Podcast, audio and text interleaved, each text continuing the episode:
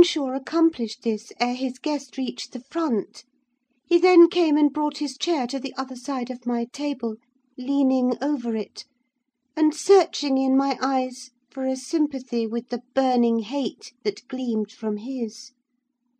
As he both looked and felt like an assassin, he couldn't exactly find that; but he discovered enough to encourage him to speak.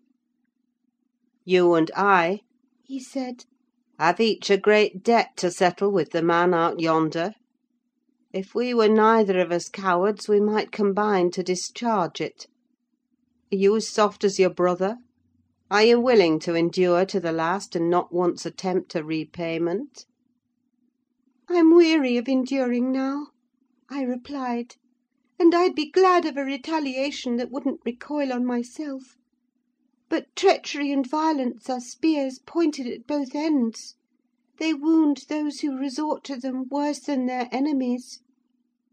"Treachery and violence are a just return for treachery and violence!" cried Hindley. "Mrs. Heathcliff, I'll ask you to do nothing, but sit still and be dumb. Tell me now, can you? I'm sure you would have as much pleasure as I in witnessing the conclusion of the fiend's existence. He'll be your death unless you overreach him, and he'll be my ruin. Damn the hellish villain! He knocks at the door as if he were master here already. Promise to hold your tongue, and before that clock strikes—it wants three minutes of one—you're a free woman." He took the implements which I described to you in my letter from his breast, and would have turned down the candle. I snatched it away, however, and seized his arm. "I'll not hold my tongue," I said. "You mustn't touch him. Let the door remain shut, and be quiet." "No, I've formed my resolution, and, by God, I'll execute it!" cried the desperate being. "I'll do you a kindness in spite of yourself, and Hareton justice; and you needn't trouble your head to screen me. Catherine is gone: nobody alive would regret me, or be ashamed, though I cut my throat this minute; and it's time to make an end." I might as well have struggled with a bear, or reasoned with a lunatic. The only resource left me was to run to a lattice and warn his intended victim of the fate which awaited him. "You'd better seek shelter somewhere else to night," I exclaimed, in rather a triumphant tone. "Mr. Earnshaw has a mind to shoot you if you persist in endeavouring to enter." "You'd better open the door, you—" he answered, addressing me by some elegant term that I don't care to repeat. "I shall not meddle in the matter," I retorted again. "Come in and get shot, if you please. I've done my duty." With that I shut the window and returned to my place by the fire, having too small a stock of hypocrisy at my command to pretend any anxiety for the danger that menaced him.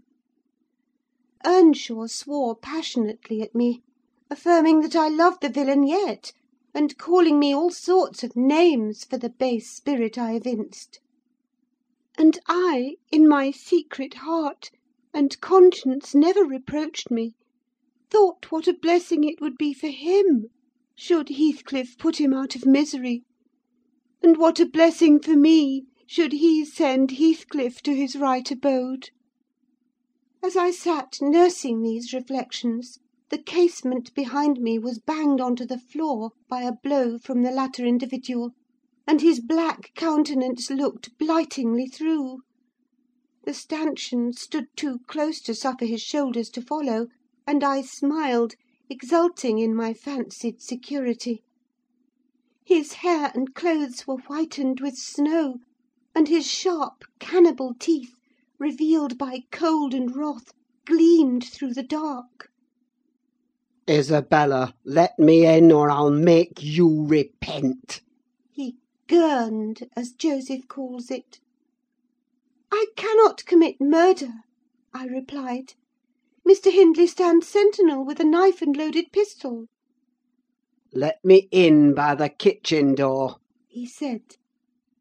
"Hindley will be there before me," I answered; "and that's a poor love of yours that cannot bear a shower of snow. We were left at peace in our beds as long as the summer moon shone; but the moment a blast of winter returns, you must run for shelter. Heathcliff, if I were you, I'd go stretch myself over her grave, and die like a faithful dog. The world is surely not worth living in now, is it? You had distinctly impressed on me the idea that Catherine was the whole joy of your life. I can't imagine how you think of surviving her loss."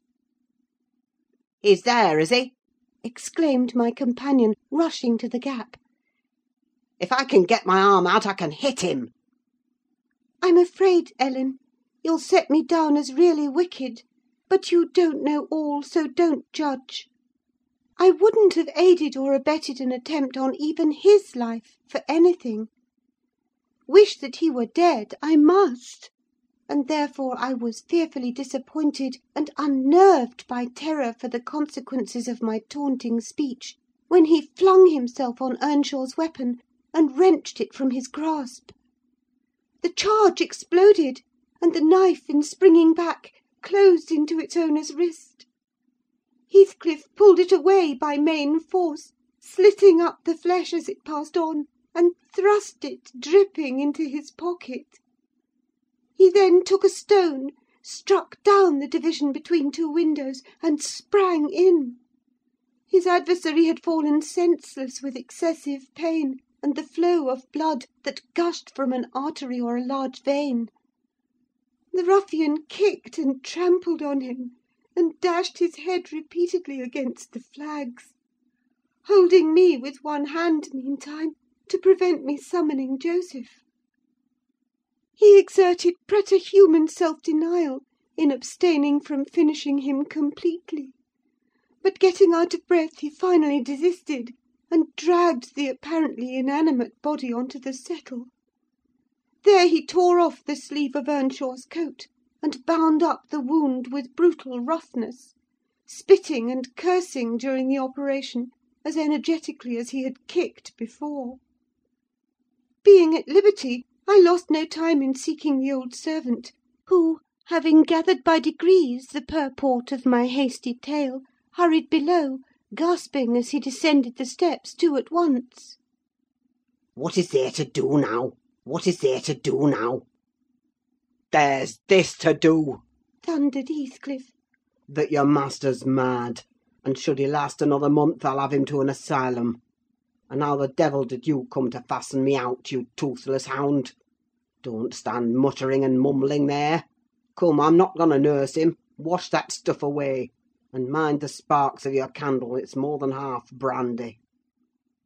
"And so you've been murthering on him!" exclaimed Joseph, lifting his hands and eyes in horror. "If iver I seed a sight like this, may the Lord—" Heathcliff gave him a push on to his knees in the middle of the blood, and flung a towel to him; but instead of proceeding to dry it up, he joined his hands and began a prayer, which excited my laughter from its odd phraseology. I was in the condition of mind to be shocked at nothing. In fact, I was as reckless as some malefactors show themselves at the foot of the gallows. "Oh, I forgot you!" said the tyrant. "You shall do that: down with you! And you conspire with him against me, do you, viper? There, that is work fit for you!" He shook me till my teeth rattled, and pitched me beside Joseph, who steadily concluded his supplications and then rose, vowing he would set off for the Grange directly. Mr. Linton was a magistrate, and though he had fifty wives dead, he should inquire into this. He was so obstinate in his resolution that Heathcliff deemed it expedient to compel from my lips a recapitulation of what had taken place, standing over me, heaving with malevolence, as I reluctantly delivered the account in answer to his questions. It required a great deal of labour to satisfy the old man that Heathcliff was not the aggressor, especially with my hardly wrung replies. However, Mr. Earnshaw soon convinced him that he was alive still, Joseph hastened to administer a dose of spirits, and by their succour his master presently regained motion and consciousness. Heathcliff, aware that his opponent was ignorant of the treatment received while insensible, called him deliriously intoxicated, and said that he should not notice his atrocious conduct further, but advised him to get to bed. To my joy he left us, after giving this judicious counsel; and Hindley stretched himself on the hearthstone. I departed to my own room, marvelling that I had escaped so easily. This morning, when I came down, about half an hour before noon, Mr. Earnshaw was sitting by the fire, deadly sick; his evil genius, almost as gaunt and ghastly, leant against the chimney. Neither appeared inclined to dine; and having waited till all was cold on the table, I commenced alone. Nothing hindered me from eating heartily; and I experienced a certain sense of satisfaction and superiority, as, at intervals, I cast a look towards my silent companions, and felt the comfort of a quiet conscience within me. After I had done, I ventured on the unusual liberty of drawing near the fire, going round Earnshaw's seat, and kneeling in the corner beside him. Heathcliff did not glance my way, and I gazed up and contemplated his features almost as confidently as if they had been turned to stone. His forehead, that I once thought so manly, and that I now think so diabolical, was shaded with a heavy cloud; his basilisk eyes were nearly quenched by sleeplessness, and weeping, perhaps, for the lashes were wet then. His lips devoid of their ferocious sneer, and sealed in an expression of unspeakable sadness. Had it been another, I would have covered my face in the presence of such grief. In his case I was gratified; and, ignoble as it seems to insult a fallen enemy, I couldn't miss this chance of sticking in a dart: his weakness was the only time when I could taste the delight of paying wrong for wrong. "Fie, fie, Miss!" I interrupted. "One might suppose you had never opened a Bible in your life. If God afflict your enemies, surely that ought to suffice you. It is both mean and presumptuous to add your torture to his." "In general, I'll allow that it would be, Ellen," she continued. "But what misery laid on Heathcliff could content me, unless I have a hand in it? I'd rather he suffered less, if I might cause his sufferings, and he might know that I was the cause. Oh, I owe him so much! On only one condition can I hope to forgive him. It is, if I may take an eye for an eye, a tooth for a tooth: for every wrench of agony return a wrench. Reduce him to my level. As he was the first to injure, make him the first to implore pardon; and then why, then, Ellen, I might show you some generosity. But it is utterly impossible I can ever be revenged, and therefore I cannot forgive him." Hindley wanted some water, and I handed him a glass, and asked him how he was. "Not as ill as I wish," he replied. "But leaving out my arm, every inch of me is as sore as if I had been fighting with a legion of imps." "Yes, no wonder," was my next remark. "Catherine used to boast that she stood between you and bodily harm. She meant that certain persons would not hurt you for fear of offending her. It's well people don't really rise from their grave, or last night she might have witnessed a repulsive scene. Are not you bruised and cut over your chest and shoulders?" "I can't say," he answered. "But what do you mean? Did he dare to strike me when I was down?"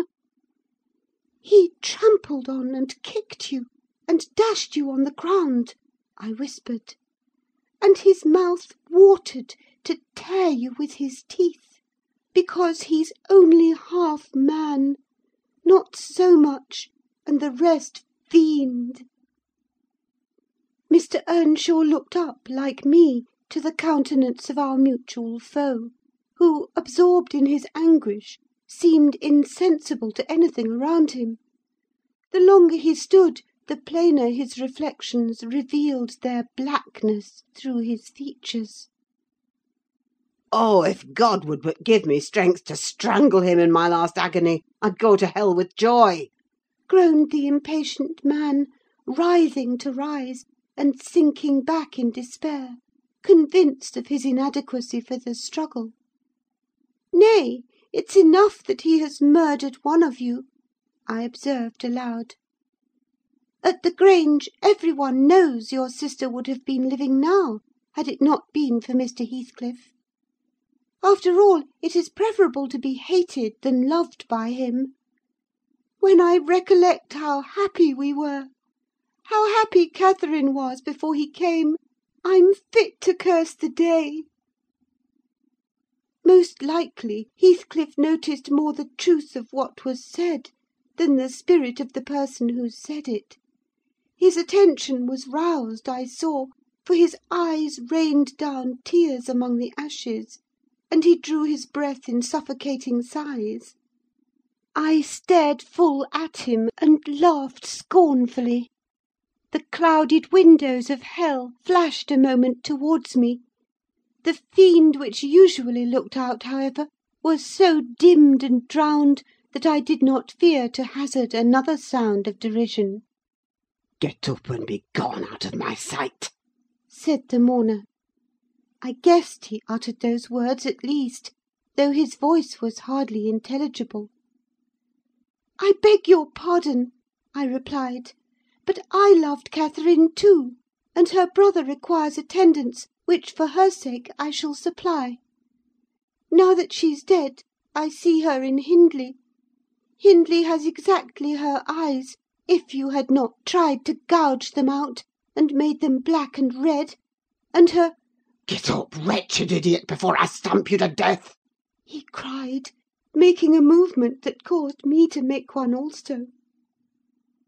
"But then," I continued, holding myself ready to flee, "if poor Catherine had trusted you, and assumed the ridiculous, contemptible, degrading title of Mrs. Heathcliff, she would soon have presented a similar picture.